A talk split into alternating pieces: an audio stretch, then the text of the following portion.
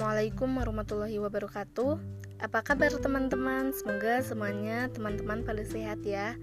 Dengan adanya pandemi ini Semoga kita diberi rasa semangat Untuk menjadi pemuda yang kreatif dan berakhlakul karimah. Saya di sini akan menceritakan perjalanan Ibnu Sina dalam mencari ilmu.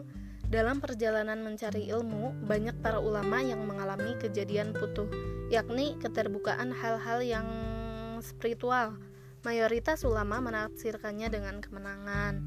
Banyak dari ulama terdahulu yang mengalaminya, sebut saja Syekh Al-Rais Ibnu Sina yang bercerita tentang perjalanan keilmuannya. Ayahku berasal dari Balk, lalu pindah ke Bokhara pada masa Nuh bin Mansur. Beliau menikahi ibuku dan tinggal di sana. Aku lahir di sana.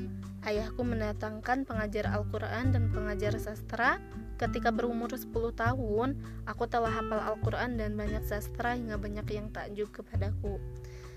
Masya Allah, Ibnu Sina umur 10 tahun sudah hafal Al-Quran dan banyak sastra. Semoga kita bisa menjadi seperti Ibnu Sina.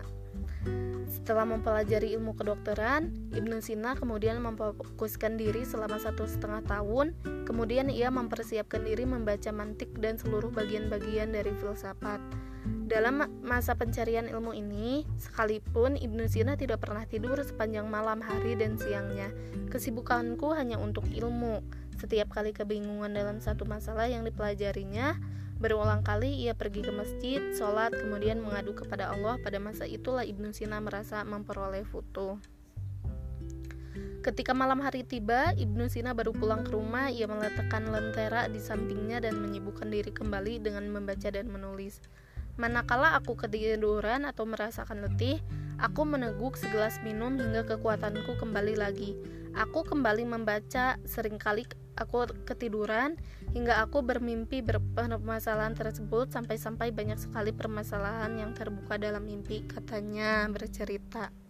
Tak hanya itu, putuh juga terjadi padanya pada saat ia mempelajari ilmu metafisika dalam kitab Tariq al-Hukama karya Jamaluddin al-Kitfi dijelaskan bahwa pada awalnya mempelajari metafisika sulit bagi Ibnu Sina. Suatu hari aku membaca kitab metafisika Aristoteles dan aku sama sekali tak paham. Maksud pengarangnya buram dalam pikiranku hingga aku mengulanginya 40 kali dan aku berhasil menghafalnya. Namun aku belum juga paham dan aku pun menyerah. Tidak ada jalan untuk memahaminya, ucap Ibnu Sina. Namun suatu hari, tepatnya pada asar, Ibnu Sina berada di para penjual kitab. Ada salah seorang tukang lelang kitab di tangannya terdapat satu jilid kitab tentang metafisika. Penjual itu menawarkan kepadanya.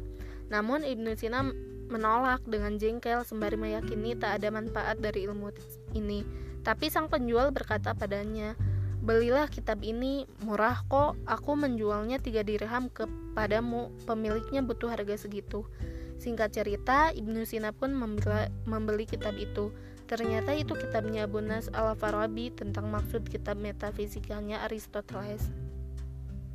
Lalu Ibnu Sina kembali ke rumah dan langsung membaca kitab itu dengan cepat. Maka seketika itu ia mendapatkan putuh dari kitab tersebut, sebab ia telah hafal di luar kepala. Aku benar-benar sangat senang dengan hal itu. Di hari kedua, aku bersodakoh dengan jumlah yang banyak kepada para fakir bentuk syukurku kepada Allah, ucap Ibnu Sina. Sekian dari saya, mohon maaf bila ada kata salah. Wassalamualaikum warahmatullahi wabarakatuh.